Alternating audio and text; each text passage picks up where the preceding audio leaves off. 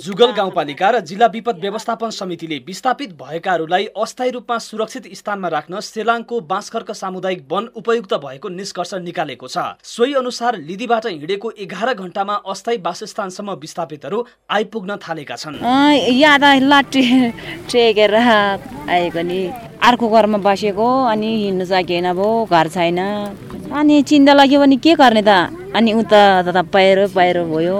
अहिले बाँसखर्कमा एक सय पच्चिस परिवारका लागि अस्थायी बसोबासको प्रबन्ध मिलाइएको छ।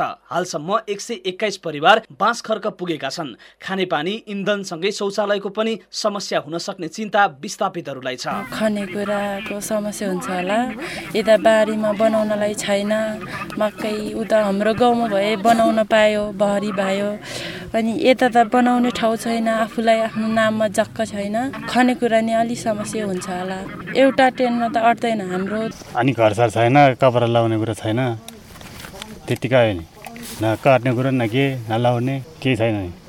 ओजन पनि पुग्दैन ओट्ने पनि पुग्दैन खाना भाडा पनि कति सको नि मैले हेरेँ पनि छैन। भूकम्प लगतै पनि लिदी लगायत आसपासका करिब पाँच सय स्थानीय बाँस खर्कमै आएर बसेका थिए। तर पछि सरकारले वनको जमिन भएको भन्दै त्यहाँ बस्न नदिएपछि उनीहरू आफ्नै थाक थलोमा फर्किएका थिए। फेरि पनि त्यस्तै समस्या झेल्नु पर्ला कि भन्ने चिन्ता उनीहरूलाई छ। हाम्रो लिदीमा त्यत्रो बाउबाजेको अंश छ। हामी प्रतिजनालाई हाम्रो बिस तिस रोपनी एकजनाको नाममा सरकारले दिनुभयो भने हामीलाई बढीमा दियो भने पाँच रोपनी छ रोपनी दिएला केही व्यवस्था पनि हुनु पर्यो। बर्खा मासको लागि हामीले दाउरा काट्ने गरेको छ। हामी एक सौ बहत्तर घरधुरी छ। तिनीहरूले दाउरा काट्यो भने यो वन एकै वर्षमा सकिन्छ सर। टेन्थ पास स्कुल यहीँ छ अनि त्यसपछि हामीलाई रोडको व्यवस्थापन राम्रो हुनु पर्यो पानीको व्यवस्थापन पनि हुनु पर्यो र सरकारले हामीलाई प्रत्येकजनालाई चाहिँ घर बनाइदिनु पर्यो। प्रत्येक परिवार धुरी घरधुरी चाहिँ हामीलाई घर चाहियो बस्नुलाई। हामीलाई यहाँ बेरोजगार हुन्छ हामी। हामीलाई केही न केही रोजगार चाहिँ चाहियो। बिना रोजगारको हामी कसरी बस्न सकिन्छौँ? बाँस खर्कमा पुगेका लिदीवासीलाई अब त्यही नै नमुना बस्ती बनाएर स्थायी बसोबास गराउने तयारी भइरहेको